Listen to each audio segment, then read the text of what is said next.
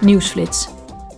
Gisteren ontmoette de Commissie Ontwikkelingssamenwerking commissaris voor crisisbeheersing Janes Lenarcic om van gedachten te wisselen over de reactie van de EU op de aardbevingen die het zuidoosten van Turkije en het noordwesten van Syrië in februari troffen.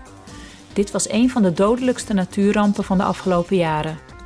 Het aantal dodelijke slachtoffers zal naar verwachting nog toenemen, omdat nog steeds niet bekend is hoeveel personen er in totaal vermist worden. De NGO People in Need informeerde de EP-leden over de situatie ter plaatse.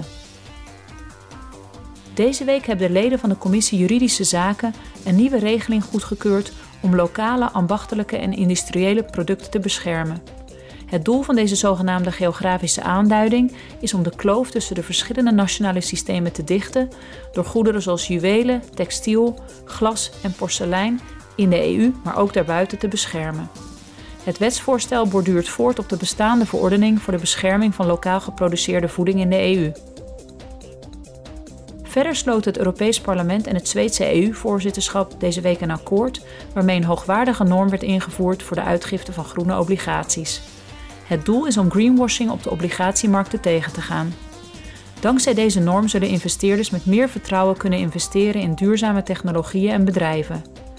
Alle bedrijven die ervoor kiezen de nieuwe norm te hanteren bij het vermarkten van groene obligaties, moeten voortaan een heleboel informatie geven over de manier waarop de opbrengsten van de obligaties zullen worden gebruikt. Ook zullen ze moeten aantonen hoe die investeringen in te passen zijn in de transitieplannen van het bedrijf.